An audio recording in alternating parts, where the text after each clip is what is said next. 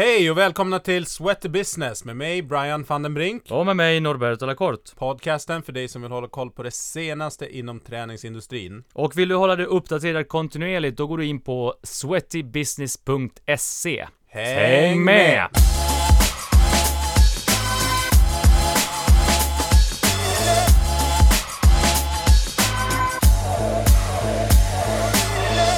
Dagens avsnitt presenterar vi i samarbete med Ljudbank som är ljudproducenter, en ljudstudio som ligger på Söder Mälarstrand i Stockholm. Perfekt för dig som vill göra podd bland annat. Gå in på www.ljudbank.se för mer information.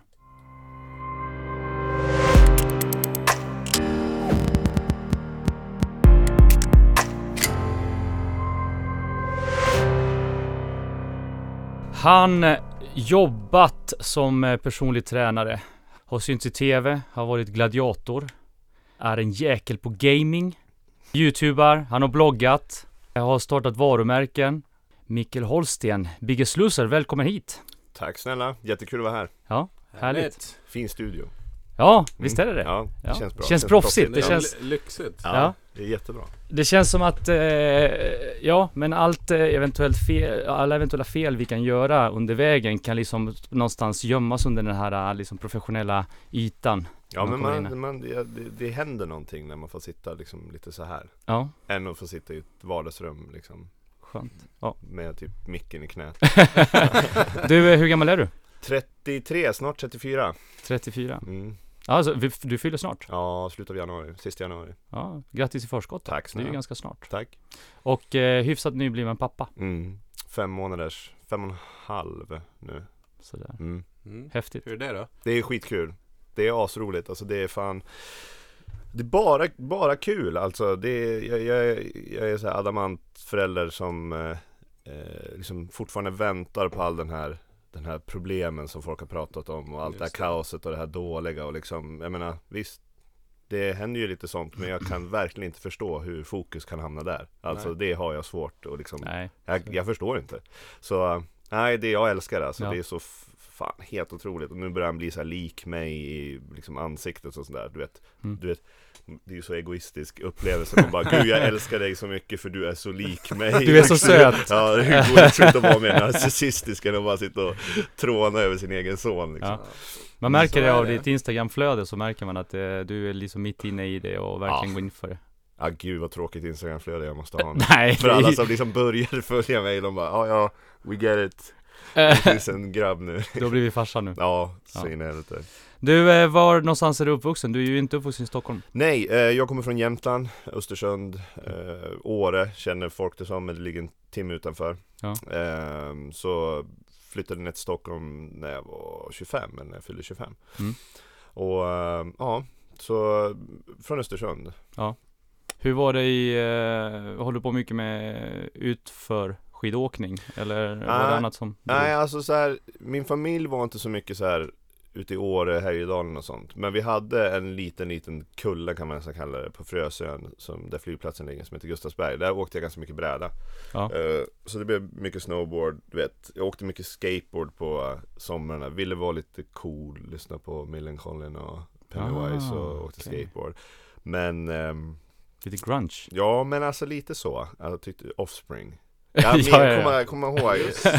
Ja, Så jävla bra band. Shoutout till min, eh, jag bodde på så här loft, så här betongbyggnad liksom, där, där ytterdörrarna var liksom ut. Riktigt så här förortshus. Jag är, jag är glad att jag har vuxit upp så, för jag känner mig lite så här hood. Ja. Liksom, jag har alltid glorifierat liksom hood.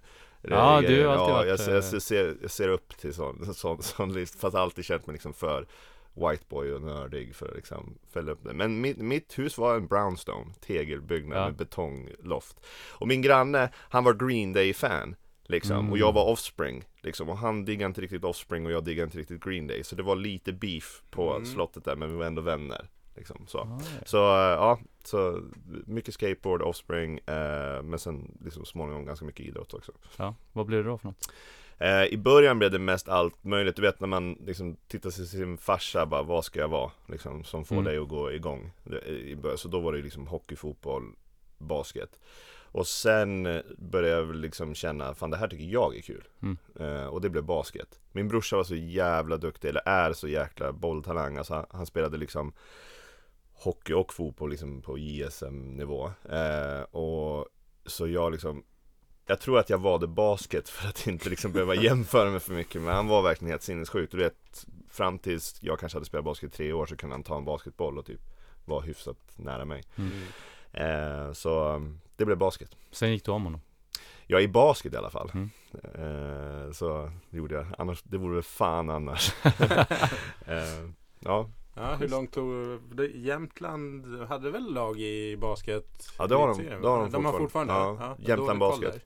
Exakt, eh, jo, men jag tog mig hela vägen upp och började träna försäsong och sånt där Och så sen, eh, då, jag var fortfarande runt 1,90 då eh, Men vägde inte direkt lika mycket Och så hade jag en, eh, alltså under försäsongsträning så skadade jag ryggen. Mm. Och jag tror att jag liksom kände så här, fan jag vet inte om jag kommer palla det här alltså. Jag vet inte om jag är... Du vet, jag har alltid haft så mycket spre, spretiga intressen, du vet. Jag har haft min klick som är den som kräver mest tid, men sen har jag haft en klick som jag helst hänger med. Och det de helst hängde med, det var så här Drakar och Demoner, rollspels, Mhm. liksom spela tv-spel. Men de som tog mest tid, det var liksom basket. Och jag märkte liksom att de hade, de var så jävla intresserade av basket. Följde NBA, hade koll på alla stats och liksom planerade liksom sin Och jag, jag var viss talang men jag kände liksom att jag tror inte jag liksom vill, jag måste gå djupare i det här nu för att kunna liksom För att jag inte bara ska bli någon som tycker att det är coolt att ha mitt namn i rostern för, för ligalaget. Och då känner jag att jag tror nog fan jag tar det här lite som en exit. Du vet, att inte Mm. ta på mig hela ansvaret så skyller jag lite på den här ryggskadan. Just det. och bara, ah fuck vad synd, jag skulle gärna ha velat satsat men du vet, min rygg.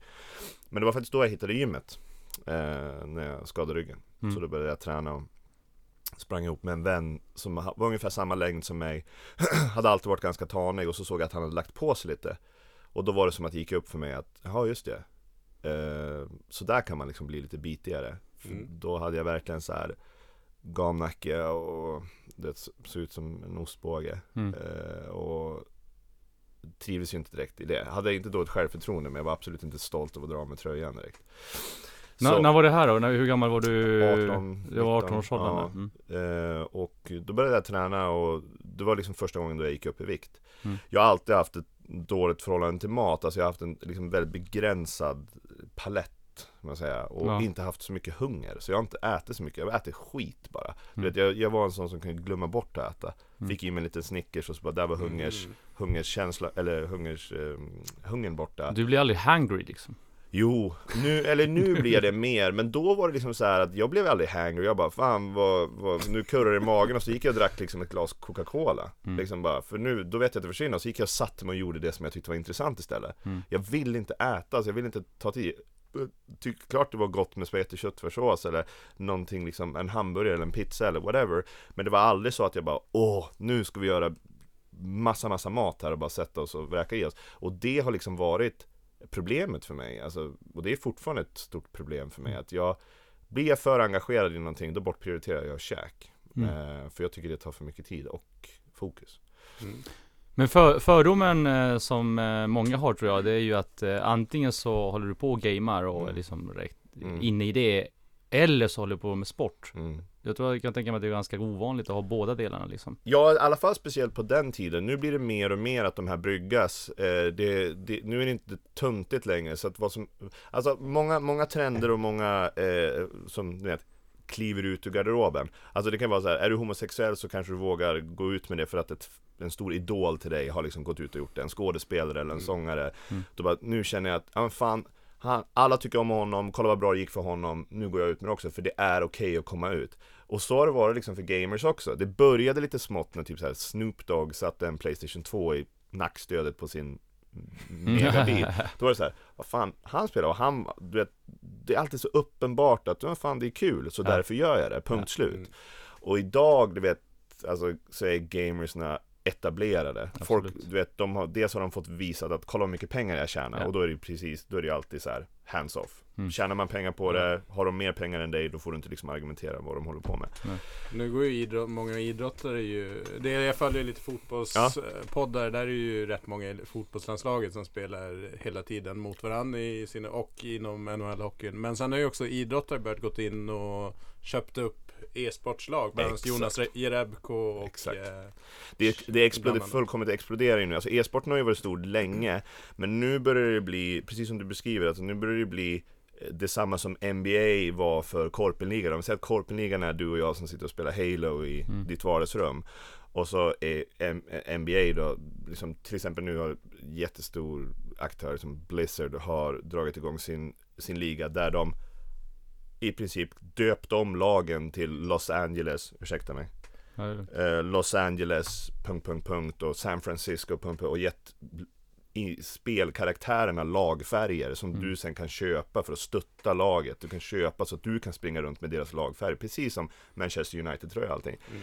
Men för att svara på din fråga, då var det lite knas. Mm. Men jag har aldrig tyckt att det har varit jag kan minnas en gång där jag tyckte det var pinsamt att jag hade liksom ett nördiga intressen och det var det jag eh, hängde med en tjej som, jag tror jag gick i typ i sexan och hon var äldre än mig. Så Mm. det var ju out of this world. Och så bara, av en henne så gick vi hem till mig och så skulle vi in på mitt rum och jag kommer så väl ihåg att jag går liksom i korridoren och kommer, kommer på så här att visst fan, jag har typ ett helt set med så här Warhammer-gubbar uppställt som jag målar du vet. Är Ja. sådana här små tennfigurer som man Ja, bara målar. exakt. Och det, det, det var pre- pretty nörd, bara inom nördgrejer. Ja. Liksom. Det var liksom, folk kanske spelade Street Fighter men de rörde inte Warhammer figurmålning. Och jag vet, kommer inte ihåg om jag typ så bara öste undan allting eller om jag typ skyllde på något, alltså jag kommer inte, men det var nog den första och sista gången där jag någonsin har liksom skämt, skämts Ja, jag fattar. eh, över det här intresset. Mm. Så för mig, eh, jag brukar alltid säga det att jag är till 90% liksom datornörd och jag behöver bara vara 10% gymrotta för resten sköter jag bara med självklarheten i att röra på mig, självklarheten i liksom, alltså det behöver inte egentligen vara ett intresse, jag måste röra på mig, alltså Mm. jag måste ta hand om kroppen. Det, det finns någonting annat som driver på det Ja, än intresset av att träna. Hur var det i plugget då? Jag hade det väldigt lätt. Ja. Eh, Jag har aldrig pluggat, men eh, liksom den gymnasiala utbildningen där det liksom tog Mm. stopp för mig. Alltså jag har ju inte gått en högskoleutbildning. Nej. Den kände jag liksom var ganska lätt att hantera Mm. eh, utan att liksom hamna i trubbel. Så att eh, jag gick någonting som heter samhälle IT. Det var Mm. väldigt mycket distansarbete, gör mycket arbeten och, och sådär. Um, Passade det bra? Ja, alltså, eller jag vet inte. Jag skulle nog behövt någonting som var lite mer pli, du vet. Ja. Kanske behövt natur, natur, liksom ännu hårdare krav. Mm. Så, eh, Men hur kom du in på sen på träningsbanan liksom och började jobba med? eh, det var, ja men det var för att samma person som jag såg hade lagt på sig lite vikt då, som fick mig att känna att jag kunde göra det. Han helt plötsligt sa att, ja men jag och en polare till honom, vi ska dra ner och utbilda oss, ta en PT-utbildning. Och det var också ytterligare, återigen, så blev det så här, ja just det, det kan man göra. Eh, och för mig fram tills då så var det så här, jag ville absolut utbilda mig. Jag, jag funderade på att utbilda mig inom programmering eller tv-spelsdesign eller designer eller någonting sånt. För, liksom, jag tycker om liksom, den estetiska biten. Men sen, sen så är det så här, ja, flytta till Umeå, utbildningen är tre år, du vet, jag var så jävla hemmakär och så jävla feg och det, liksom, mina föräldrar hade ingen högskoleutbildning så jag hade ingen förebild nära mig som visade att du, du bor i Sverige, åk iväg och gör det, liksom, det, Mm. det kostar ingenting, alltså bortsett från studielån, men systemet vi har ändå, vill du göra det så gör det, Mm. liksom. Mm. Har du betygen så är det bara att söka, och så, sen tar vi hand om resten. Ehm, men då sa han liksom så här, men två månader sa han. Och jag här, oh, jäklar, ja men du måste betala för dig själv, men då hade jag liksom sparat undan lite pengar och sådär. Eh, och då kände jag, fan det här kan funka. Ehm, så då pendlade jag ner till Stockholm varje långhelg liksom, och så gick jag klart en utbildning. Vart gick du någonstans? Rakt under Medis. ja. Jag vet inte om vi ska säga företagen här, om Nej, det är sponsorer eller så. Spelar ingen roll, det är upp, det är upp, till, det är upp, till, det är upp till Ja. dig. Vi, vi är inte så mycket, Ja, så nej. mycket ja, men public safe, service. ja men då så i sådana fall så tack för licensen då, Safe Education eh, gick jag. Men Mm. det var liksom lite samma sak där. Den utbildningen var Den var nog snarare liksom bra för att jag fick liksom vara själv i stora stygga Stockholm Mm. och känna liksom att här kan man vara. Ja. Det är inte så farligt liksom. Utbildningsmässigt så känner jag att jag liksom alltid haft lite koll på anatomin. Alltså för mig känns all, allting känns ganska logiskt. Ja. Um, så, och det är tur för mig, för hade det krävts att jag verkligen stoppade näsan i en bok, då hade jag nog inte blivit bra på det här. Så att det finns så mycket andra saker som rent teoretiskt jag liksom inte har i huvudet. Jag har en fru som är väldigt duktig med nummer, och siffror och ekvationer och kan liksom Mm. se ett problem lösa. Och jag, jag tappar bort mig direkt liksom, när jag börjar, jag kan inte hålla isär. Mm. Så där skulle jag verkligen behöva sätta mig ner och eftersom jag inte är ett läshuvud, jag gillar inte liksom att sitta och bara i tystnad hålla på att läsa saker. Eh, så hade det varit så för mig, då tror jag att det här PT-utbildningen hade varit bajs. Men Började du jobba direkt på, på satsen? eller? Nej, utan eh, jag, jag fick frågan medan vi utbildade oss, liksom när vi började närma oss slutet. Så sa läraren så här att Ja men du kommer att jobba för oss sen då. Mm. Eh, och då skrattade jag så ja när ni är uppe i Östersund, du vet fortfarande hemmakär. Mm. Eh, så åkte jag hem och så då hade jag pratat med en gymägare där att jag kommer utbilda mig till PT. Vi hade liksom ingen PT-industri där. Alltså, liksom, det var ju ganska aktivt i Stockholm då, men inte i närheten vad det är nu. Mm. Men eh, alltså i Östersund fanns det ju inte. Nej. Och då var det som att, nej, jag fick inte jag fick inte sätta igång eh, För att de skulle ha möten med de andra och det skulle ske om några månader och, allt, och jag, För jag frågade så här, kan jag sätta upp en lapp bara så ger jag bort gratis instruktioner och så, här, så får jag igång det Mm. Men det gick inte så det jag gjorde var att jag jobbade i receptionerna på kvällarna så stod jag och städade toaletter Mm. eh, Och då kände jag så här Jag hade lagt liksom 50 lax på en utbildning Mm. och så stod jag liksom andas in rengöringsmedel Mm. Eh, så jag Jag snodde en Gainomax liksom och gick hem och så sen skrev jag ett mail och sa Se, det här funkar inte. En månad senare så vad heter det, var jag inneboende hos min brorsa och en månad efter det så hade jag min lägenhet på telefonplan. Sådär. Och då, våran eh, gemensamma chef Erik var det ju då som tog Precis. en anställningsintervju med mig. Eh, sen, eh, sen var PT-yrket igång. Exakt. Och då jobbade du på Sats Sofo. Det var Ja. där, det, var där det, det startade Exakt. liksom. Exakt. Ehm, raskt in då, för jag kommer ihåg att, eh, ja, som sagt, vi jobbade ihop och Mm. det är inte så konstigt. Många av våra gäster känner vi ju på ett Mm. eller annat sätt. Eh, vilket är lyckligt för oss. Mm. Ehm, och jag jobbar ju som instruktör så att jag hängde ju inte hela dagarna där. Men, men, eh, Men du, du jobbar där. mycket? Ja, jag jobbar, mycket? på den tiden jobbade jag Mm. mycket, absolut. Jag hängde mycket på grund av andra anledningar också. men men eh, stra- du, det, var, det, det var inte så lång tid efter du började jobba som du egentligen började med att blogga, eller hur? Nej, exakt. Alltså, jag, jag började... Jag gick hem med en kollega Mm. och eh, så under den tiden så höll jag på att träna jävligt hårt. Och jag kommer fan inte ihåg varför jag gjorde det. Var det inte Jag tror det var- fitness? Jo, det var ett, inför eh, min första tävling, Ja. Athletic Fitness.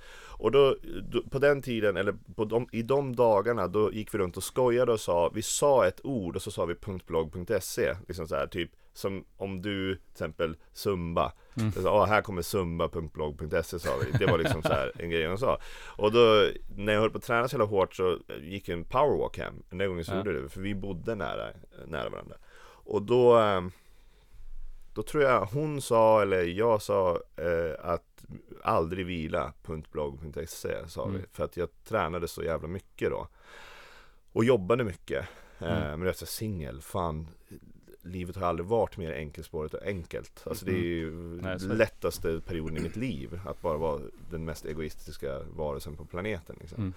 Ehm, så eh, jag tror typ dagen efter så startade jag aldrig vila.blogg.se. Mm. Och eh, ja. Ja, men vad, vad, vad, vad var plotten liksom? Vad var taken? Vad, vad skulle du, vad skulle du Alltså eh, vet du vad, det, det, kommer låta om så det? jävla, det kommer låta så jävla hybrisaktigt Jag bara visste att kommer jag bara igång så har jag nog någonting att säga som ingen annan säger just nu Ja, Och det, det baserade liksom på att jag pratat med så mycket tränare, varit på lite satsmöten, träffat andra PTs och jag så här, fan Många av er pratar ganska likadant Va, Jag fick den här känslan att det var 60% säljare och 40% PT i Mm. de här personerna Och att man alltid försökte skapa någon form av mysticism kring träning som man sen såg, du vet orm Antidote, snake venom ja, ja vet, precis. Ja. ormgift, vad fan är man Ja. säger? Lite som att ha en dålig agenda, du ger Ja, inte du fullt säljer- ut kunskapen. Du säljer för- någonting precis. till en sjukdom som du hittar på finns. Ja, Och jag sa, det är inte så här. Du vet att här är fem snabba tips, här är tio, så här går du ner i vikt inför sommaren. Det var så jävla, öh, det var så Aftonbladet plus över allting. Mm. Och då så här. det blev till slut att jag bara sa, varför är det ingen som säger det här? Varför är det ingen som skriver om det här? Varför, varför gör alla det så skrämmande? Varför gör alla det så svårt och stort och liksom, du vet, som någon form av privilegierad grupp? Uh, idag är ju klimatet väldigt annorlunda, mm. måste jag säga. Till, jag tycker att det har blivit positivare, alltså det har blivit bättre. Men, så det var det jag började skriva. Jag, mm. jag tror att om jag når ut med det här, eh, så kommer nog folk, liksom, då kommer det växa. Och jag har alltid velat att allt jag gör växer organiskt. Jag tycker det är så obehagligt att marknadsföra sig själv. Att typ göra så här, du vet, shoutouts eller like och share och allt mm. sånt där. För att jag vill att alla nya jag ska få vill jag få genom att de tycker om mig. Jag vill inte göra folk besvikna genom att jag marknadsför mig själv. Jag är bra, lyssna på mig. Och så bara, du suger säger vet, för jag är väldigt så här, lite skör, så. Mm. Eh, och så, så var det. Och det växte jättesnabbt. Alltså det... Men det tar på det, för jag menar kritik, det är, jag tror att eh, man kan lätt tro det. Du har ju många följare eh, på sociala mm. medier, mm. du har en YouTube-kanal, du har din egen podd och så vidare. Och det är ju så, folk kan ju få en bild av dig i och med också att du har varit i, på TV oh, ja. och i de rollerna som du är i så kan ju folk lätt få den här uppfattningen att ah, men den här snubben, det är ingen som rår på honom. Men, mm. men eh, det är så att du, du liksom det, det tar hårt ja. på det när, när du får krig, eller ja. Alltså folk kan ju vara jävligt elaka också. Ja, och det, när de är så, då har jag, då växte det ganska snabbt fram under, som, allt eftersom jag mognade som människa så var, blev jag liksom, har jag blivit duktig på att ju grövre någonting är, desto mindre har det med dig att göra. Mm. Alltså, du vet, jag brukar dra ett exempel att om du på morgonen och så är du på väg ut genom tunnelbanedörrarna när du är framme vid din hållplats. Och så är det någon som står framför dig och blir helt vansinnig mm. på att du liksom står i vägen. Eller tvärtom, mm. att du står i vägen när dörrarna öppnas och någon som kommer av. Om du då liksom går igång på det och bara så här, hur fan kan du vara så jävla arg på mig? Det är ju narcissism från din sida, alltså, du tror ju att Dan kretsar kring mm. dig. Han är ju uppenbarligen arg över någonting annat. Mm. Det här har ju ingenting med dig att göra. Eh, och så även inom internet och troll och folk som skriver liksom elaka saker. Att ju grövre det är, ju mer energi de lägger ner på någonting. Mm. Så vidare du vet att du inte liksom sitter där och instigatar och liksom retar upp folk.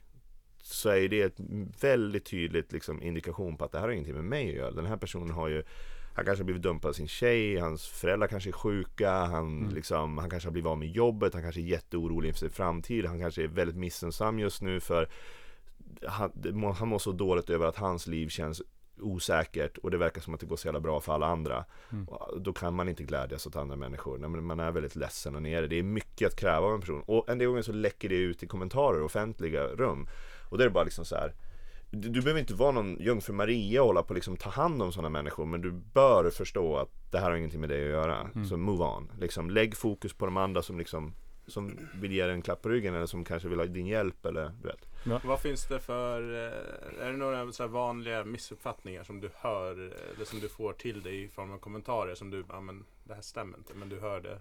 Ja, jag har hört, jag har hört några, men det är absolut ingen vanlig. Jag, jag vill säga det också att jag personligen har varit, om jag jämför med mina vänner, mm. Det vet jag, när jag började blogga kom Ako bloggade väldigt mycket. Ja, och Ako var mycket mer liksom Ako Rahim som Rahim. är fortfarande med i Gladiatorerna. Ja precis, som Toro, Toro. Mm. Han var väldigt mycket mer liksom, här är jag, han var väldigt mycket så och dömde ut och liksom sa si och så. Och det retar upp folk. Jag har aldrig varit så. Jag har aldrig liksom haft någon så här att, du vet för du har haft en jäkla massa åsikter? Ja, massa åsikter, men jag har haft en väldigt öppen självkritik. Alltså jag har sagt liksom så att det här är mitt problem. Mm. Det här är vad jag inte får till Du har alltid utgått från dig själv? Utgått från mig själv, och, inte, och då menar jag inte bara det här easy way out. Uh, Luften är fri, du vet, åsiktsfrihet och liksom yttrandefrihet. Det är inte det säger jag inte, för det, alltså du, du, är du en kuk så är du en kuk oavsett om du säger yttrandefrihet innan. Sårar du någon så sårar du någon.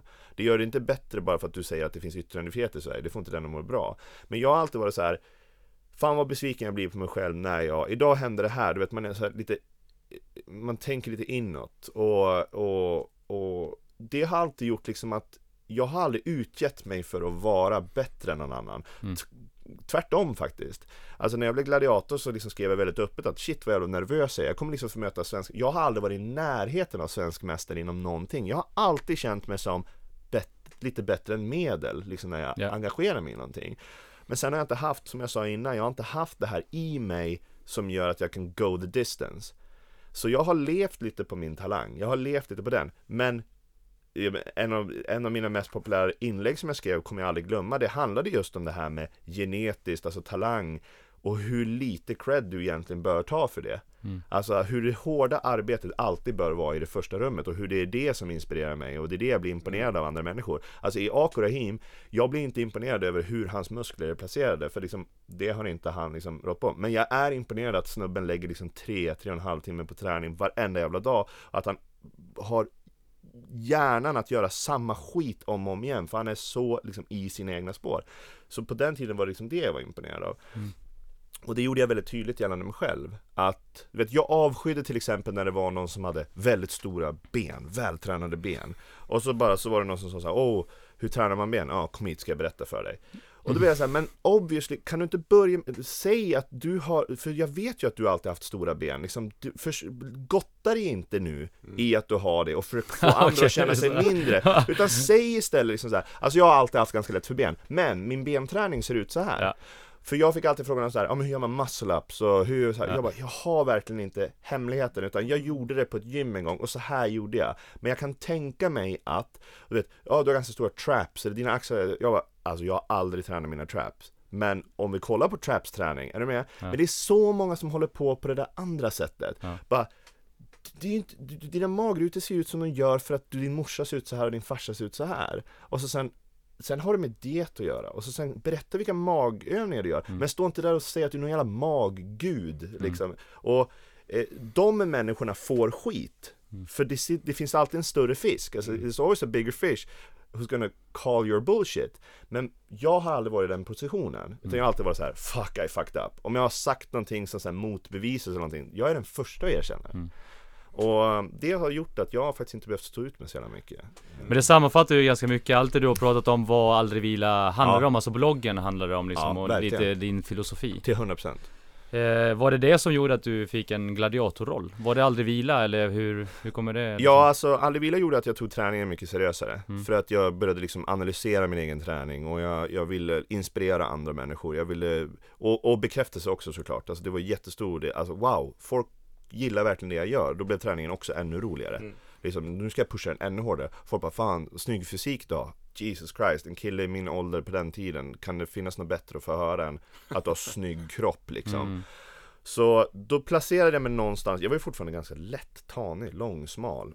Jag menar, ja. rippad så var jag kanske 87 kilo, alltså inte mer än så. Mm. Um, och det var mycket på längden liksom. Uh, så vad som hände var att jag och Ako tränade en dag, så säger han att du, det här får du inte säga till någon, men TV4 ska göra gladiatorerna igen. Och jag bara jävlar vad coolt så här.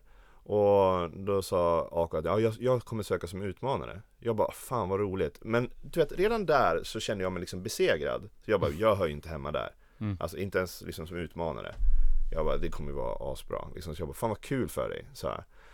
Eh, men det som var skönt med Ako på den här tiden, jag pratar mycket om Ako, men han, har, han var väldigt mycket inblandad i just den här ja, uppenbarligen så han, ja precis, ja, uppenbarligen jo, men han var, gjort innan, innan, ja, men innan jag lämnar just den lilla poängen Ako var Athletic Fitness på den här tiden. Ako var en person som videobloggade. Det, det många glömmer det att Ako var först med ganska mycket saker. Ja, I alla fall var han först tid. och störst liksom på sin mm. tid.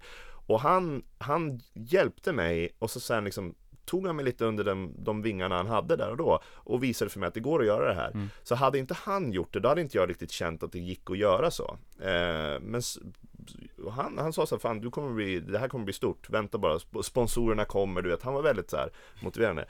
Och då sa han, eh, ja men du, varför söker inte du? Mm. Liksom, han var alltid den som sa det, liksom, inbjudande så här. Jag bara, tror du? Han bara, ja fan det är klart du ska söka. Och så sökte vi tillsammans. Eh, och då sa de att ja men vi vill casta er som gladiatorer istället.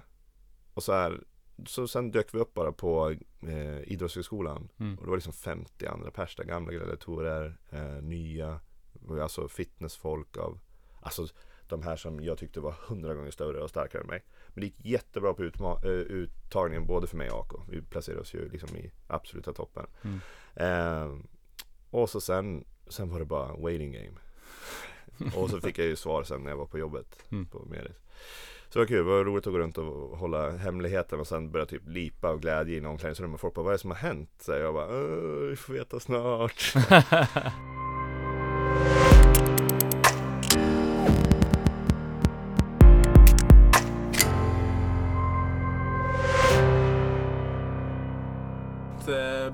blogga och så i all ära, men liksom tv-exponering, vad har det liksom gjort för ditt, ditt varumärke och din eh, trafik? Ja, det, det är en fråga jag får jävligt ofta. Eh, och, så, och jag visste att den frågan skulle komma. Du vet, jag, var, jag, jag, alltså jag var så stolt över min blogg då, för då hade jag liksom, min blogg låg på toppen, liksom bland träningsbloggar. Och så var gladiatorerna på väg. Så så här, nu ska jag hålla koll på min statistik så att jag sen kan svara på den här frågan. Hur mycket har ditt varumärke växt? Och jag fick 200 fler besökare i 200? 200 när gladiatorerna började sändas mot för innan. Så folk brydde sig inte så mycket om min blogg. Nej, nej.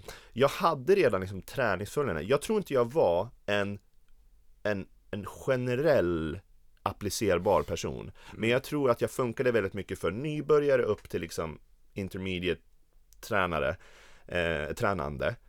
Och den, den marknaden hade jag, eller den målgruppen hade jag. Sen när gladiatorerna kom, de, de konsumerade mer liksom det jag sa på, på den tiden på Instagram och det jag sa på eventuella intervjuer och radiointervjuer alltså. Sen var de nöjd. Sen konsumerade de liksom på TV. Mm. Eh, Och evenemang och sådana grejer när ni åkte ja, runt och hade turnéer och fast det barnen fick komma Fast det och... gjorde vi fan typ aldrig. Det Gjorde vi det? bara under inspelningsdagarna. Ja. Eh, Det var mer förr i tiden. Ja. Då de, då liksom, de fick typ stänga ner köpcenter. För att det var så Ja. populärt. eh, så nej, Nej. inte så mycket. Men däremot gjorde det väldigt mycket med hur jag hanterade mig själv. Eh, det gjorde att jag blev proffsigare. Det gjorde att jag öppnade, vågade satsa på mer. Alltså jag vågade ta för mig mer. Om jag, jag tror man behöver lite objektiva eh, förstärkningar i vart man befinner sig i livet annat än sig själv bara. Eh, eller ja, objektiva innebär ju det. Men jag menar Gladiatorerna blev ett sätt för mig att tänka att jag kanske har någonting här. Alltså jag kanske har någonting som funkar. Och så kanske börja stanna upp och titta vad vill jag göra liksom egentligen? Gör jag det jag vill göra? Kan jag göra någonting annat? Vad, vad är nästa steg?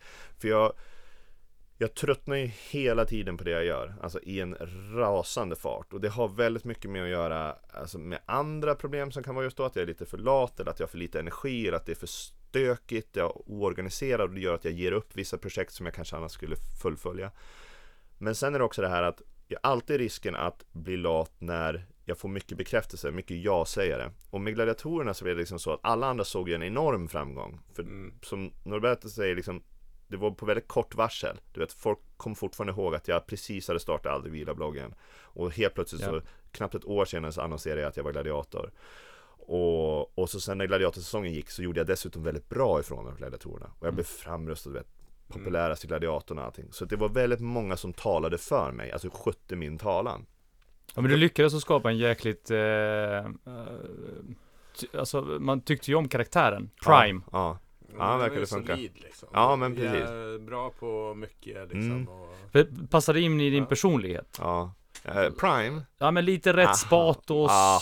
Jag vet inte, nej. Alltså, Gör inte det? Nej, alltså, Hur kommer det till förresten? Det- Själva karaktären? ja, det är de som skapar den. Är det så? Ja, precis. Alltså han var, menar om du jämför med hur jag är på Biggest Loser, där jag går fram och kramar folk, jag tittar folk i ögonen, jag står väldigt nära, jag är otroligt öppen och det har ju vuxit fram mer och mer och mer. Så Prime blev liksom en, en karaktär som jag var tvungen att sudda ut. Eh, för, för när jag kom till, ja vi kan ta det sen, men jag vill bara säga Just gällande gladiatorerna och det som hände, det som tyvärr händer med mig, mm. Eh, för jag tänker inte säga att det här händer alla. Det var att jag fick så mycket medvind, liksom, så jag började inte, jag kritiserade inte mig själv innan jag fattade beslut. Det var precis som att jag kan göra vad som helst. Så länge det är jag som gör det så kommer det bli populärt. Du vet, jag drar igång det här projektet med mina följare. Jag, jag släpper den här produkten eller jag planerar att göra det här. Och jag kände att så här, det började växa fram en ganska dryg liksom, personlighet. Och jag tror inte jag hade slutat med den personligheten om det inte hade hänt massa andra saker i mitt liv då som liksom satte mig ur spel lite. Mm. Så jag, jag vill vara väldigt tydlig med att säga det att det här är en fara som jag tror finns för många och jag Jag vet inte om det är bara för att jag erkänner att det var så som gör att liksom som gör att det blir uppenbart att det var det som ändrade och att andra som har bytt bana kanske bara inte erkänner att det hände massa skit, att de fick skit, att de fick en reality check som gjorde liksom att nej jag måste nog fan göra någonting annat nu. Eh, men jag menar, jag slutade ju med gladiatorerna. Jag sa ju faktiskt upp mig Mm.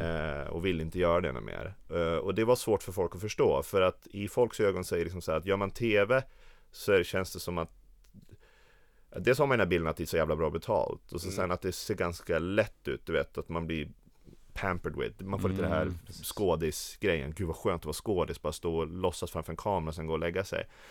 Ehm, men ehm, ja, nej, så, så att det hände för mig att jag blev lite för, jag fick lite för mycket medvind. Men hur ser gladiatorlivet ut egentligen när ni spelar in säsongerna? Liksom, bor ni i Karlstad eller Sundsvall? Eller Mm. vad ni, hur ser liksom en inspelning ut och förberedelse in, inför? Mm, det pågår ju alltså under tre och en halv helg. Eh, och så sen är det några, två träningsperioder. Så först är det en lång träningsperiod.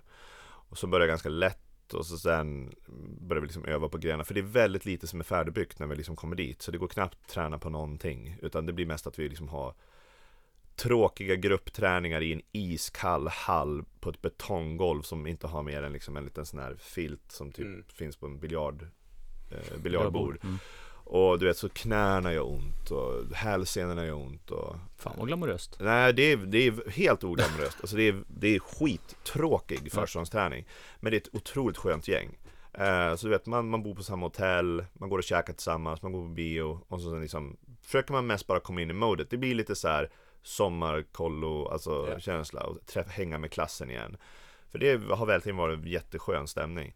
Eh, och så sen liksom ju närmare vi kommer inspelningen så steppar liksom allvaret upp. Det blir liksom öva, den här säsongen så ska entrancerna se ut så här, den här säsongen kommer, eh, du vet, pansar ska falla ner från en bur, eh, i en bur från taket, så börjar de öva på det. Ja, Prime, vi ska hissa upp det i vattnet och så måste man börja öva på det. Mm.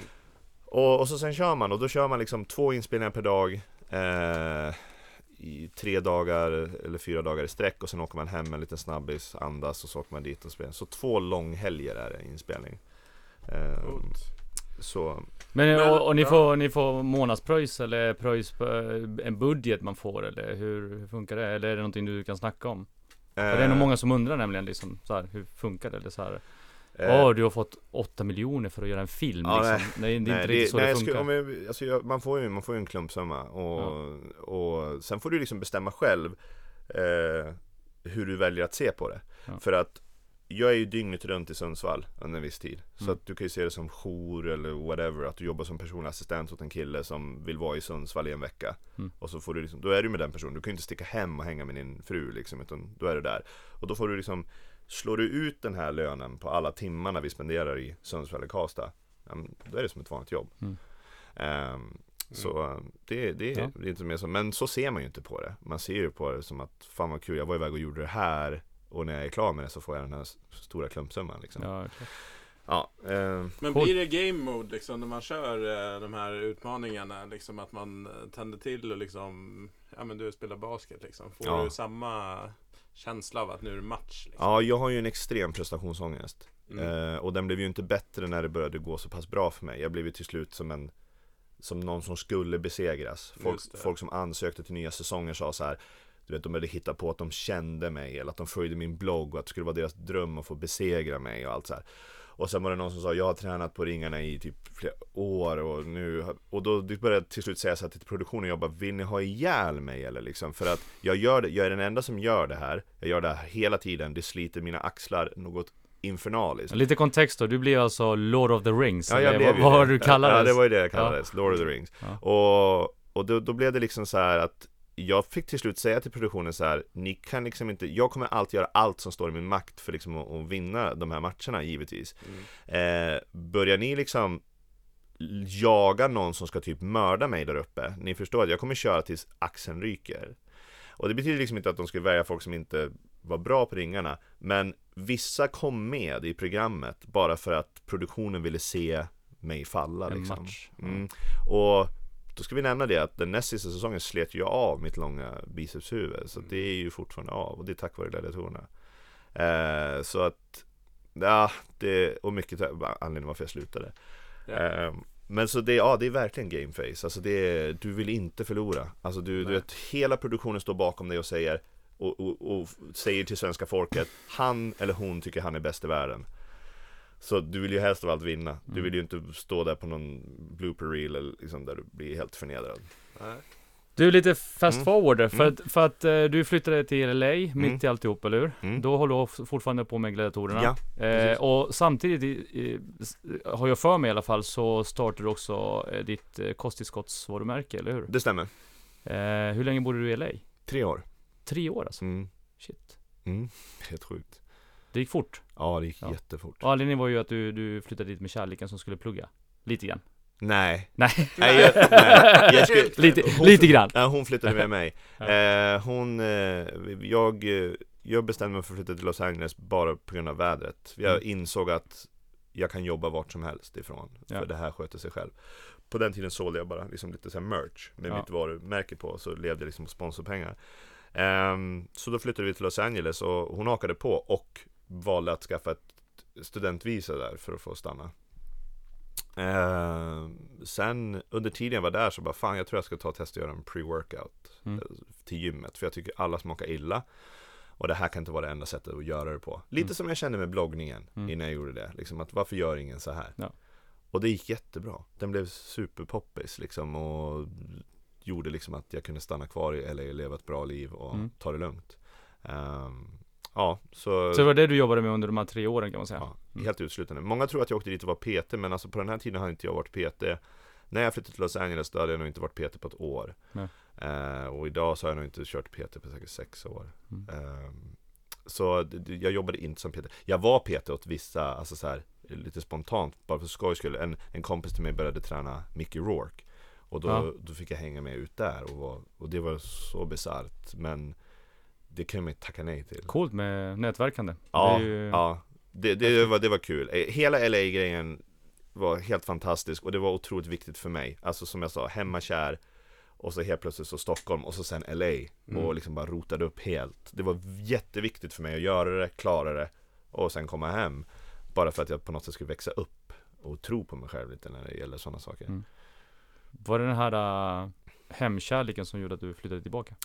Eh, det, det var, till slut så blev jag lite för less på att eh, tids, det var nio timmars tidsskillnad. Så att skrev jag, fick ett mail från någon, då hade de redan slutat jobba. Mm. Så då mejlade jag dem. Då, då menar vi businessmässigt nu businessmail, då? ja. En dag efter hela tiden. Ja, det nästan mer. För att när jag väl får mejlet då har de gått hem. När jag vaknar då har de gått hem. Så Mm. svarar jag. Mm. Eh, då får inte jag svar under hela min arbetsdag. Jag hinner gå och lägga mig. Jag får svar när jag vaknar liksom. Så det, eh, det var så här. Och jag, var, jag, jag hade liksom inte råd att ha massa anställda som kunde springa och göra mina ärenden där borta. Så det var så många saker jag sket i. Till exempel så hade jag en lägenhet som jag bara pröjsade för. Som bara stod och tickade hemma. Mm. Eh, bara för att jag orkade inte sitta och hålla på med andrahandskontrakt och min, min hyresgästförening eller bostadsrättsförening var skitjobbig. Så jag bara lät saker stå och dränera mig ekonomiskt bara för att jag liksom Mm. orkade inte. Och till slut så blev det så här, jag kan fan inte fortsätta hålla på så här. Jag måste, vi, jag måste hem.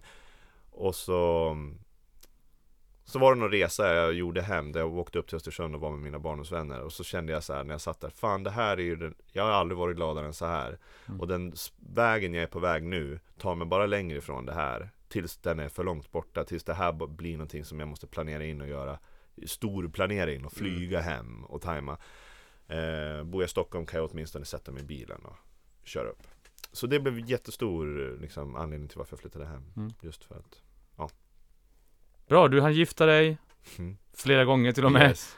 Det kanske vi inte behöver gå in Nej. på så djupt. Men, eh, och sen så Biggest Loser som är egentligen det senaste då. Ja. Det är ju, du är ju Det är fortfarande aktivt ja, ja. Det är aktivt, det är liksom just nu. Mm. Hur, eh, hur kom du in på just Biggest Loser? Hur kommer det sig att den produktionen tog upp dig? Ja, jag var och gjorde Fångarna på fortet som gladiator. Ja. Och så blev mitt flyg försenat till Mm. Frankrike så jag fick åka typ en, en dag senare. Och ehm, då, eh, när jag kom dit så hade inte jag ätit lunch. Så då var det en tjej som körde runt mig i byn där. Och Mm. hon jobbade som eh, produ- produktionsassistent till Biggest Loser. Jag frågade henne, vad gör du annars? Mm. Eh, eller vad gör du, har du gjort för andra projekt? Mm. Och då ehm, då började vi prata om fetma och socker och så här. Och precis som typ i min blogg och allting så började jag bara liksom ventilera allt jag tyckte. Mm. Liksom. Och jag kritiserade programmet och jag kritiserade liksom hur folk såg på fetma och allt sånt där. Och så sen gjorde jag klart Fångarna på fortet så åkte jag hem och kanske tre dagar senare så fick jag ett mail. Bara hej, och det var från den tjejen och så frågade hon Skulle du vilja vara inblandad i Biggest Loser.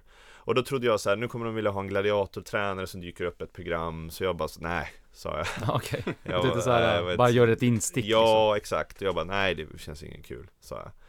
Och då fick jag ett mail igen och då var det som att hon insåg att jag hade misstolkat. Så hon sa, nej men vi tänker oss, du får inte säga det här men vi ska, vi, vi, vi ska ersätta en av tränarna och Mm. därför håller vi på och castar, eh, eller håller vi på och planerar en casting nu. Och då gick jag in till min fru och så sa jag liksom, fan vad tycker du, vad ska jag göra? För jag var jättesmickrad såklart redan då. Mm. Eh, så men kör. Och så åkte jag hem och så började jag med den castingen. Det var typ 20 pers som de, som de frågade, eller som de intervjuade och så. Ehm, ja, long story short, så sen blev jag Biggest, Biggest Loser och Gladiatorerna samma period spelade jag in. Just det. Eh, så jag åkte mellan Sundsvall och Stockholm. Det var jobbigt. Ja. Och sen året efter sa jag upp mig. Men du, givet din, eh, din kritik då till programmet innan, vad fick dig ändå hoppa på det? Ja, nu låter jag som en trasig skiva här, men att jag känner att jag kunde göra någonting annorlunda. Som jag kunde prata med de här människorna som Mm. det inte hade pratats mer om i tv innan. Eh, och jag säger liksom inte så för att jag har the secret sauce, liksom, det är ju uppenbart att jag är ju en unik människa. Du är en unik människa, du skulle prata med dem på ditt sätt. Om en person kommer och är ledsen så skulle ju du, du har ju ditt sätt att deala med det. Roberto har sitt sätt att deala med det. Och jag har bara mitt sätt. Alltså så här, det är inte ett bättre sätt eller någonting, men jag var nyfiken på. Nu ville de ge mig chansen, så självklart tar jag den chansen. Jag bara undrar om mitt sätt funkar. Undrar vad jag får för respons från det här, de här människorna om jag kör mitt sätt. Eh, och då gick jag till castingen med liksom tanken att jag ska bara vara mig själv nu och se om det, jag ska vara mig själv som fan i den här intervjun. Jag ska vara helt osensurerad och se om det kan om jag kan få jobbet. Så var det lite därför jag åkte på castingen. Jag bara undrar om bara Mikael Holsten som han är kan få Mm. det här jobbet. Eh, och så körde jag på det. Jag försökte liksom inte, du vet, ja jag lovar göra så eller Ja självklart, ja men jag kan, jag kan jobba gratis. Eller du vet, jag försökte, inget sånt. Utan stenhård bara på den jag var. Eh, och, och det är faktiskt därför jag fortfarande gör det, det är därför jag inte har gått vidare på den där. För att jag känner för varenda säsong som kommer så blir jag så här nyfiken och testa ett nytt sätt, säga nya saker. Eh, approacha problem på ett nytt sätt, jag, jag ligger hemma liksom efter en säsong och bara Fan, det är ju så här det hänger ihop. Och så tror jag att nu har jag kommit på det. Och så testar jag det nästa säsong du vet, försöka hitta en Mm. stor nyckel till de flesta problemen för att kunna täcka så mycket som möjligt för att kunna Vilken säsong är vi inne på nu? Eller är du inne på? Jag har gjort fem säsonger nu, Mm. eh, så jag spelar in finalen för den eh, femte nu min, på min födelsedag Mm. Ehm, Så ja, Fem säsonger? så jag, ja nu är jag den som har gjort det mest Jag har gått Ja. från rookie till att vara den som har gjort Veteran. flest. Ja, veteran, precis Vad har varit eh, kanske mest annorlunda sett till vad du visste om programmet och så innan kontra hur det faktiskt är? Liksom, är det någonting som har varit så här, oh shit, jag trodde inte att det skulle vara så här eller Mm. det här har förvånat mig.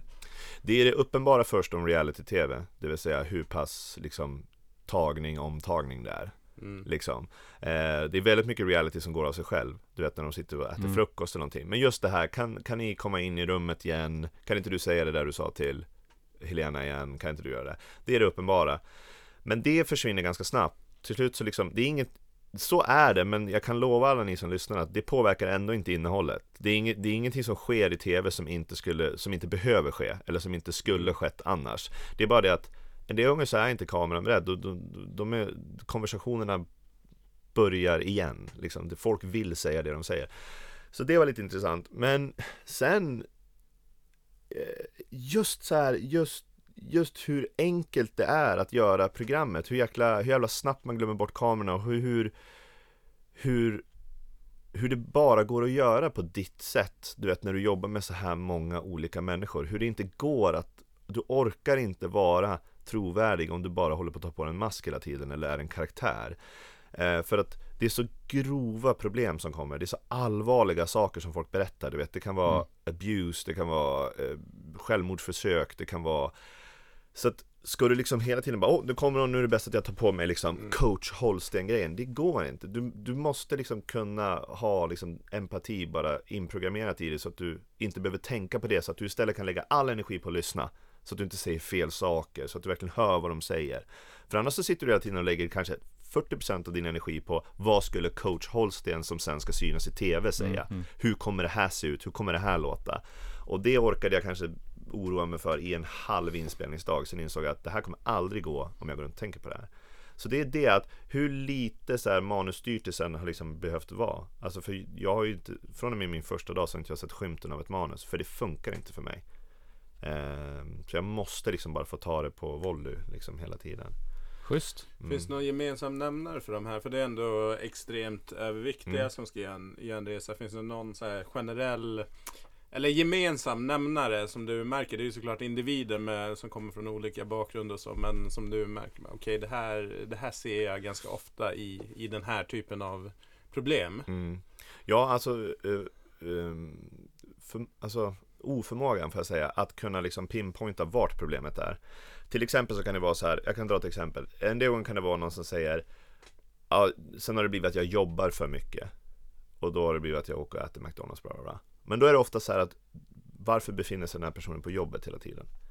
Ja, men det är för att det är dåligt hemma liksom. Mm. Och så börjar man backa Och det är ett specifikt exempel Men för att ge ett brett penseldrag så är det så att det är det som är problemet att Man tittar för långt fram i kedjan Liksom på symptomen liksom, Istället för att verkligen inse Fan vad är mitt problem?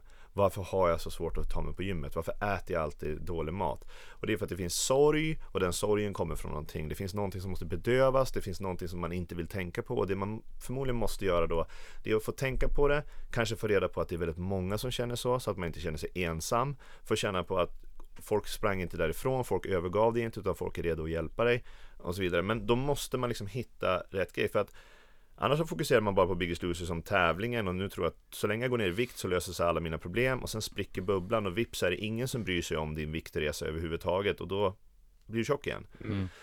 Eh, och det är ju oftast det vi ser, när vi ser extremt tävlingsinriktade människor som är redo att göra allt för att vinna de där pengarna och bara gå ner i vikt och sen vara på ett omslag eller någonting. De går upp all vikt igen. Men när vi liksom tittar på de här som verkligen liksom satte sig ner och bara begrundade och pratade om sina problem och eh, var väldigt så här eh, ödmjuk inför, inför allvaret. Så de har inga problem alls att hålla vikten sen. För de tog det här, den här isolerade eh, tiden. Du vet, inga mobiltelefoner, inga familjemedlemmar som stör. Träning, begränsad kost. Du vet, inflammationer som försvinner i magen och all, allt det här. Det, det är lyxen i det. Att du har ingen val, du är lite inlåst Mm. liksom. Men om du under den tiden, om du slösar de nio veckorna liksom, på att springa runt och göra pakter och hur kan, vem kommer gå ner mest i vikt och försöka hålla koll på alla andra. Då är du ju så ockuperad på sånt som inte har någonting med din egen hälsa att göra och dina psykologiska problem.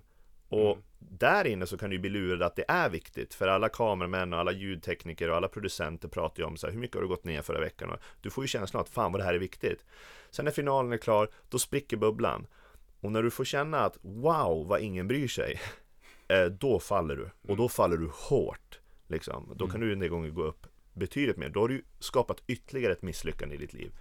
Du, vet, du lyckades inte ens behålla din vikt efter Biggest Loser och den kängan gör ont. Jag kan tänka det är tufft liksom. Man, eh, många av dem bygger ju upp ett stort följe på Instagram Mm. och folk liksom som följer och Mm. blir inspirerade. Den pressen som det också skapar att, ja men fasen, fan du har blivit tjock igen. Alltså den måste ju vara jäkligt tuff. Ja, jag rekommenderar ju alla att liksom inte, inte liksom börja bygga sin persona medan de är på slottet. Du vet. Mm. För då är de i fel, då har de, det är fel utgångsläge. De är fel person då redan. Det är fel här. Så de kommer fatta fel beslut. Börja bygga istället när man liksom är klar och när man har dealat med allting. Utgå ifrån det istället. För jag tror att det blir en stukad eh, start. Mm. Om du liksom, för vi har liksom folk som så här Andra dagen de är där så börjar de prata om att de vill föreläsa liksom, Jag vill föreläsa om din resa, min resa. Men du är inte klar med den, vi har inte ens börjat med resan vi vill redan föreläsa om den. Alltså Det behovet ska komma efter när du bara Nu är jag klar. Hur fan gick det där liksom? Wow, fan vad intressant resa det här var. Vad har jag att säga om den här resan? Vad var det jag trodde som visade sig vara fel och så vidare och så vidare. Men om du börjar liksom redan då planera så här Framgång, kändisskap, pengar, sponsorer psh, det är kört Mm. det är kört. Du har redan då bestämt allt du ska handla om, vilket betyder att det är så jävla lätt att misslyckas inom den lilla, lilla begränsade cirkeln. Du, eh, vi ska strax gå in på det sista. Vi Mm.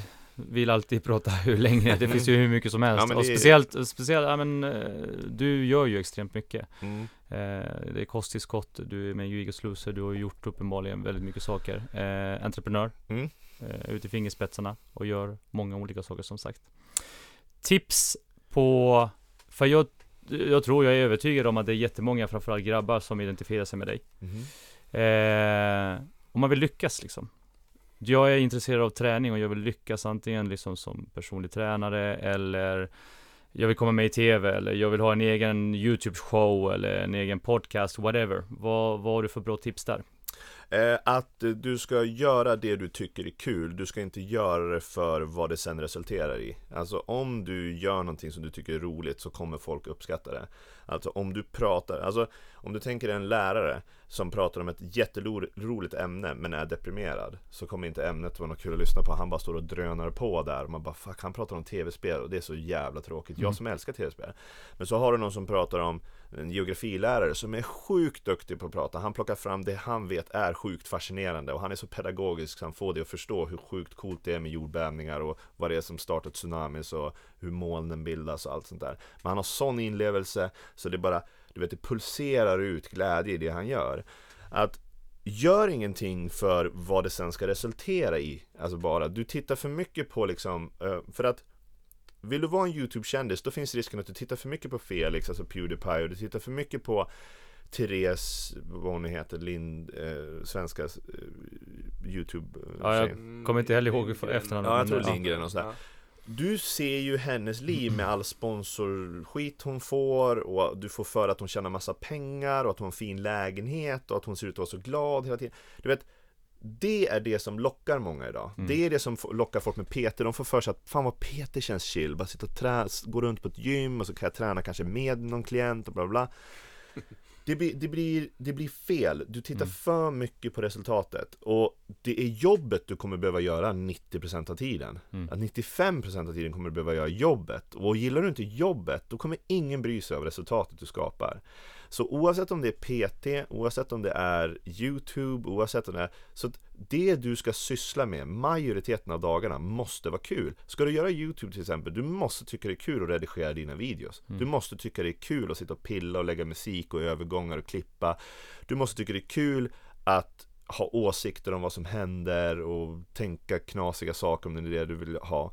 Um, och inom PT-yrket, liksom, det kommer vara ett 9-5 jobb till 100%. By, eh, for, in fact, det kommer vara mer ockuperande än något annat jobb du har innan. För du kan inte gå ifrån och ta en kaffepaus, eller rökpaus, eller kisspaus. Du kör back-to-back clients, liksom 60 minuter och när den 60 minuten är över, då står nästa klient där. Så du vänder i princip ryggen till en kli- klient och facear en annan. Det är ju de bästa av fallen, att man gör 9 till 5 och det är back to back Ja. varje timme För att det, det är ju 9 till 9 i många fall och det, Exakt, exakt. det folk tränar när de kan träna och innan du vet ordet av det så har du liksom Och är du inte då intresserad av liksom hur muskler fungerar och hur, hur skulptera kroppar och möta människor Alltså det är ju det, Folk som vill bli PT det är typ det de vet minst om att det kommer innebära Att du kommer möta människor Vissa gånger så träffar man folk som har rent utav fobi för främlingar, fobi för människor. Och då har jag svårt att tänka mig ett värre yrke, för du vet, människor blir nästan mer sårbara i ett gym än vad de blir under en gynekologundersökning. För det är andra människor där som står och tittar på dem när de gör någonting som de kanske har skämts för sedan de var fem år gammal, aldrig varit med på gymnastiklektion. Du ska alltså vara den personen som Kom här, det är lugnt gumman, eller det är lugnt gubben. Vi, jag tar hand om dig. Liksom, jag ser dig i ögonen när jag pratar med dig. Jag tar på dig, jag är inte rädd för att ta på dig. Jag är inte rädd för att utmana dig och kräva saker från dig och skydda dig från alla blickar och få dig att känna dig trygg. Du vet. Så det är det jag kan säga. Jag har liksom inga konkreta tips utan du ska bara ta en hard look. Vet, jag glömmer alltid bort vad det heter. Men jag gillar det. Det finns någonting i Japan där man ritar alltså tre stora cirklar. mm. Och så vävs cirklarna ihop och i mitten där så har man den ultimata livs liksom, positionen när man uppfyller alla de sakerna. Och det är det så här, kan jag tjäna pengar på det? Gillar jag det jag gör? Behövs det? Eller något så, det är så här tre cirklar. Ja. Och så beroende då på hur mycket man överlappar med den andra eh, cirkeln då, så då, blir, då hamnar man i olika former. Och ju mer på, mot mitten man kan komma, desto mer spot on liksom, har man hittat på det. här, det som kan. Och jag gillar det någonstans. Alltså, du behöver inte vara i mitten. Men det är viktigt att kunna analysera vart man befinner sig. Liksom, varför gör jag det jag gör nu? Stressas jag av ekonomiska skäl? Det är fel motivator. Det är fel att stressas in i ett karriärsval. För att du är rädd att bli pank.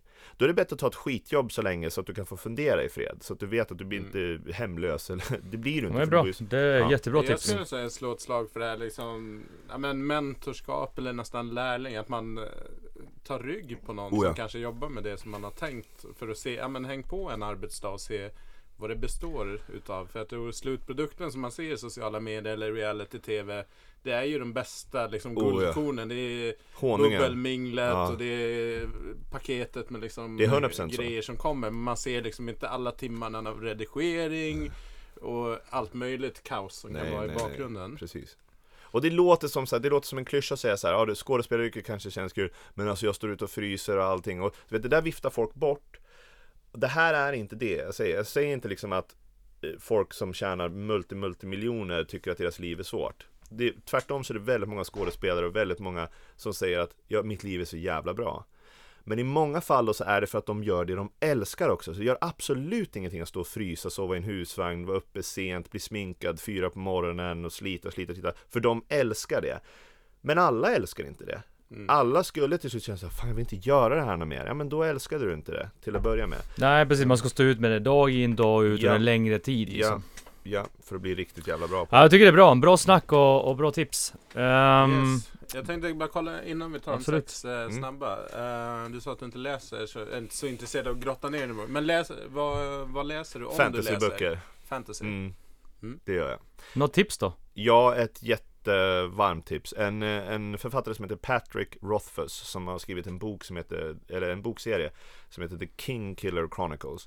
Eh, och den första boken heter The Name of the Wind. Eh, jag vet inte exakt den svenska översättningen, men det finns Mm. såklart på svenska också. Extremt populär, den tredje boken är runt hörnet. Och även om du har läst böcker i hela ditt liv och om du har läst Game of Thrones eller fan vet jag, Dan Brown eller Tolkien eller whatever. Läs Patrick och för han skriver på ett sätt som det är som att läsa musik. Du vet, du helt plötsligt har du fastnat i rytmen som han skriver och sidorna bara flyger. Inte för att det är spännande, men för att han har en taktkänsla i sina meningar. Och hans, hans, hans meningar är laddade med så mycket information, som en poet. Du vet, som en, som en, vad är det heter, spoken word. Du vet när de står och bara droppar atombomber med ord och synonymer där man bara du, du måste liksom ta en stund efter de har sagt det de har sagt och bara wow! För det kom så mycket information direkt. Mm.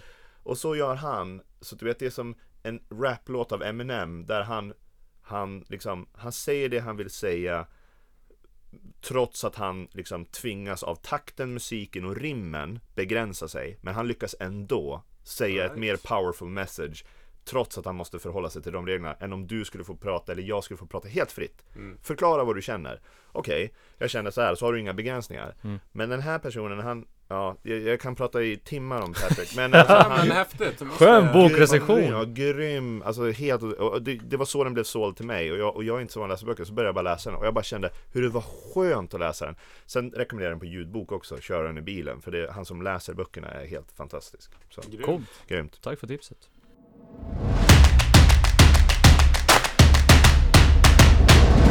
Sex snabba. Sex snabba ja. Sex snabba. Mm. Eh, en app som du använder mycket. Oh, ja, bortsett från de uppenbara sociala medierna då. Eh, ska kolla vad den heter va? Eh, jo, Duolingo. Duolingo. En språkapp. Ja. Mm. Eh, någon sa till mig, eller jag läste för flera år sedan, att den bästa träningen för hjärnan är att kunna flera olika språk. Och eh, det finns ju massa spel där man kan spela för att hålla igång hjärnan också. Luminosity heter någon och så här, då är det massa pussel man löser. Det ska tydligen funka. Men eh, jag har alltid varit fascinerad av japanska och så har de släppt liksom en japansk grej. Eh, för att det, då är det lära sig andra tecken också och inte bara Just språken. det. Och då går man in varje dag, gör fem minuter och bara besegrar en utmaning. Eh, och det känns som att samma sak som att stretcha en muskel eller Mm. hålla koll på sin rörlighet. Fan vad coolt, lite microlearning alltså. Så. Ja, jo gud. Och, och det är kul. Den är liksom enkel grafiskt. Du klickar och parar ihop saker och sådär. Så att sen om det leder till att du pratar flytande japanska, det kan jag inte svara på. Men, Nej. men jag tror att det finns någonting. För att kanji, alltså alfabetet som de har nu, ser jag tecknen så har jag, märker jag ju att det sker en omprogrammering direkt i min hjärna. Att jag, jag ser ljudet istället för bara tecknet. Och det är lite coolt när det börjar hända. Mm. Nej men det är ju en hel del eh, studier på just språkinlärning. Att det bättre att köra fem minuter per dag än liksom en timmes lektion Precis. ett par gånger i veckan. Att det är bättre Oh, ja. för inlärningen. Oh ja. Duolingo. Ja. Mm, Duolingo, Coolt. exakt. En liten grön uggla på ikonen. Välj ett projekt som du är riktigt stolt över, som du lyckas med. Eh,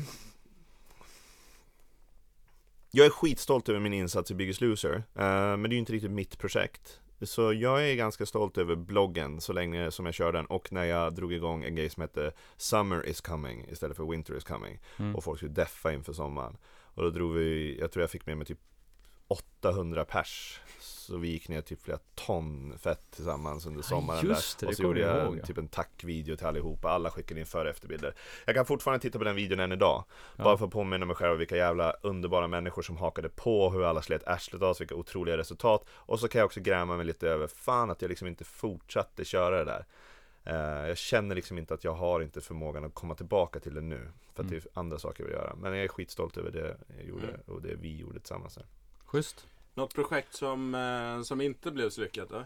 Jag är, har jättemånga, jag är många som jag är missnöjd med liksom. det, Jag är missnöjd egentligen med, med, med alla saker som jag inte fullföljer För att det är sällan jag liksom tänker bara att projektet var dåligt Jag beklagar oftast mig själv Liksom att jag inte la Mm. nog mycket tid på det Men jag drog igång ett community Alltså jag skulle ha som ett, en bloggportal Och målet var liksom att jag skulle ha eh, folk som skrev krönikörer så att det blev mycket trafik dit så att jag kunde locka folk genom att säga att det kommer att skrivas krönikor på frontpagen så att folk kommer komma till hemsidan och där kommer du kunna frontas. Och det var ett, jag hade planen att det skulle vara ett poängsystem, att man kunde ge poäng till sina favoritbloggare och då blev det som bubblare som liksom klättrade upp och så var det som en, jag gjorde lite så TV, gamification Mm. liksom.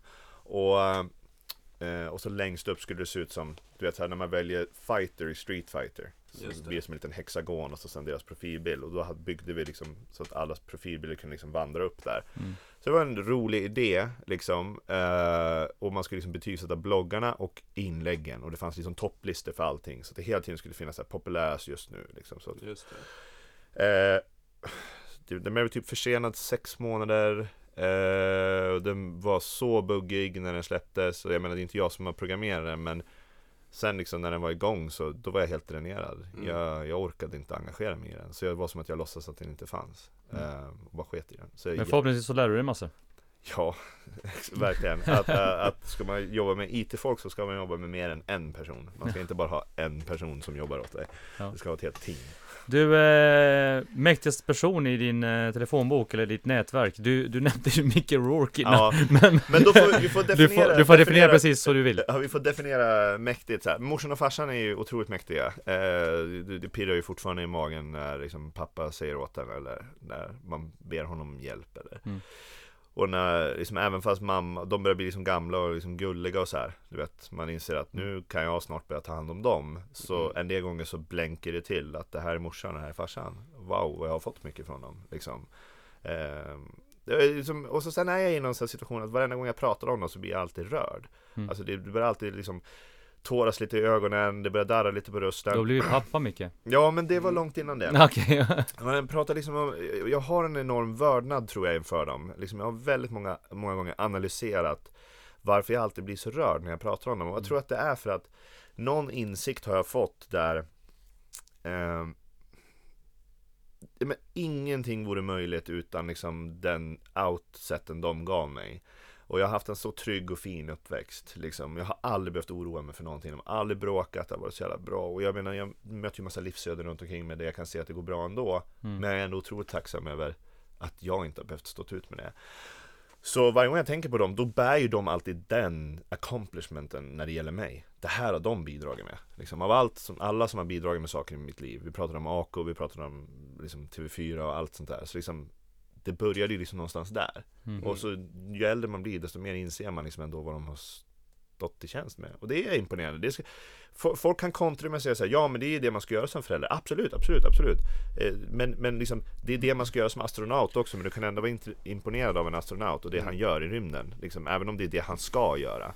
Alltså det är imponerande, tycker jag. Men det är ju det är långt ifrån självklart och det är, och det är få förunnat. Så Ja. att det, Precis. Eh, så de är, de är Ja. mäktigast, absolut. Men har du någon annan person som du haft som eh, förebild Mm. Eh, eller som du har sett upp till. Det är jättebra att du säger det, för nu kommer jag på att jag glömde säga Du frågade om, så här och du sa också det här med mentorskap och Mm. sånt Jag tycker det är skitviktigt, för jag mö- möter en del gånger människor som inte har några idoler Du vet, som inte kan imponeras av människor, typ som vägrar tycka att folk är bättre Mm. Du vet, det kan vara att en förälder inte har varit imponerad av någon eller varit väldigt högfärdig eller något sånt där. Då har man lärt sig, okej, man ska tydligen inte se upp till folk. Mm. Du vet, man ska vara bättre än alla. Min farsa visade tidigt för mig liksom, att Gunde Svan var jävligt grym. Du vet, alla, och hockeyspelare, Börje Salming och allt sånt där. Och det var så coolt att se farsan vara imponerad av någon.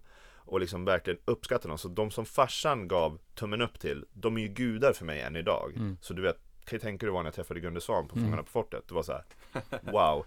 Eh, det är skitviktigt tror jag, att hitta sina Mm. idoler, att verkligen analysera de här och tänka vad är det jag blir inspirerad av? Och då ännu mer på just livsstils, alltså så här, världsåskådningen. Så jag har ju liksom, det är många ståuppkomiker jag gillar till exempel Mm. och det är många eh, podcast hosts liksom. Jag tycker eh, Joe Rogan är en person som jag tänker på.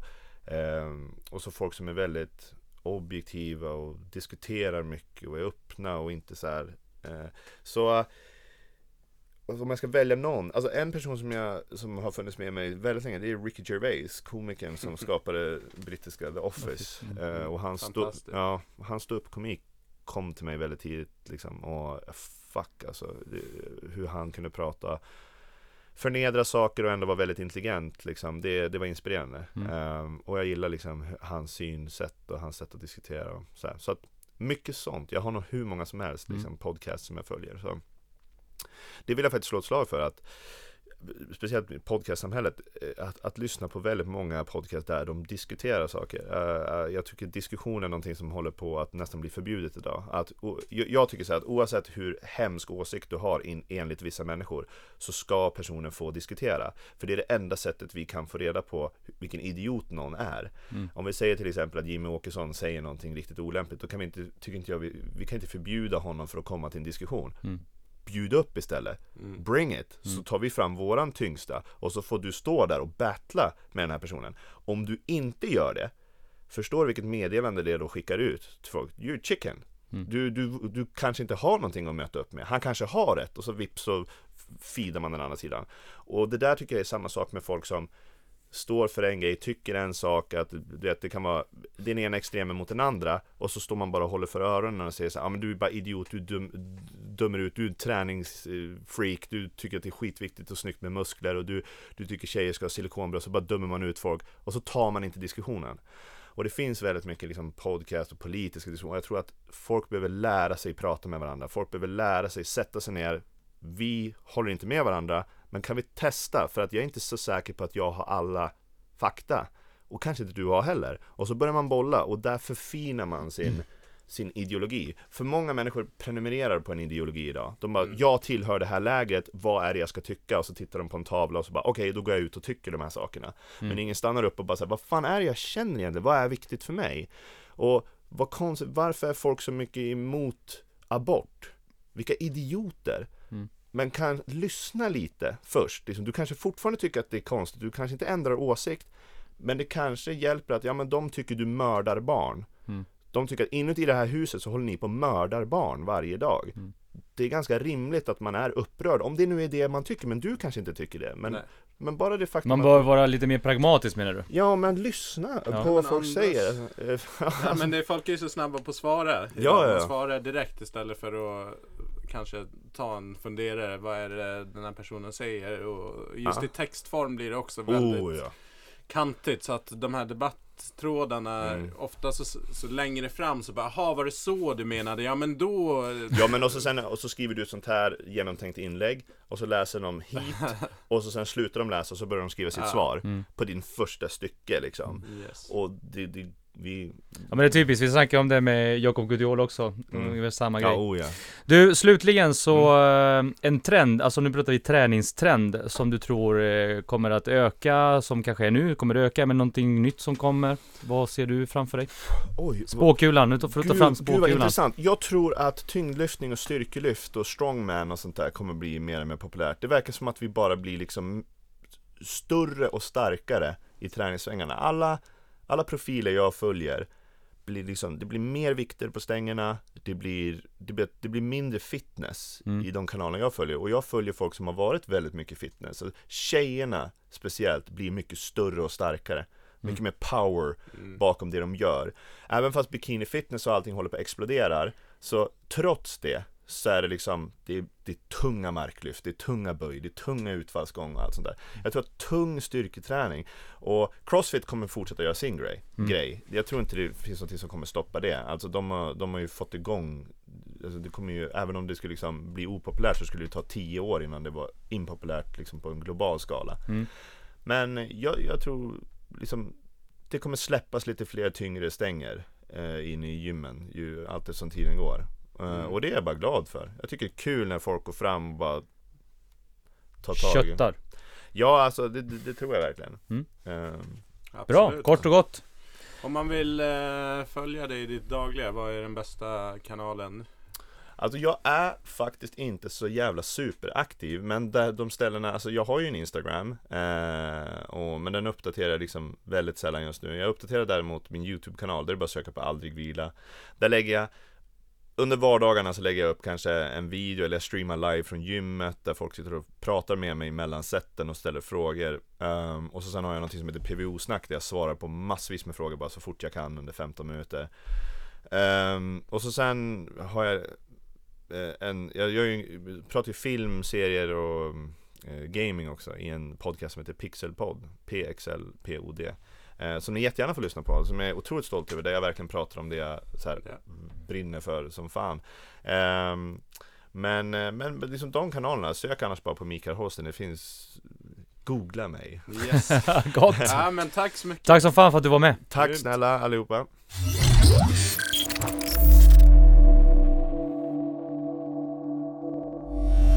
Glöm inte bort att följa oss i sociala medier. Vart finns vi? Vi finns som Sweaty Business Media på Instagram, Facebook, YouTube och LinkedIn. Och ratea oss jättegärna i er poddspelare så vi kan nå ut till ännu fler lyssnare. Precis. Och glöm inte bort nu, vi finns på sweatybusiness.se.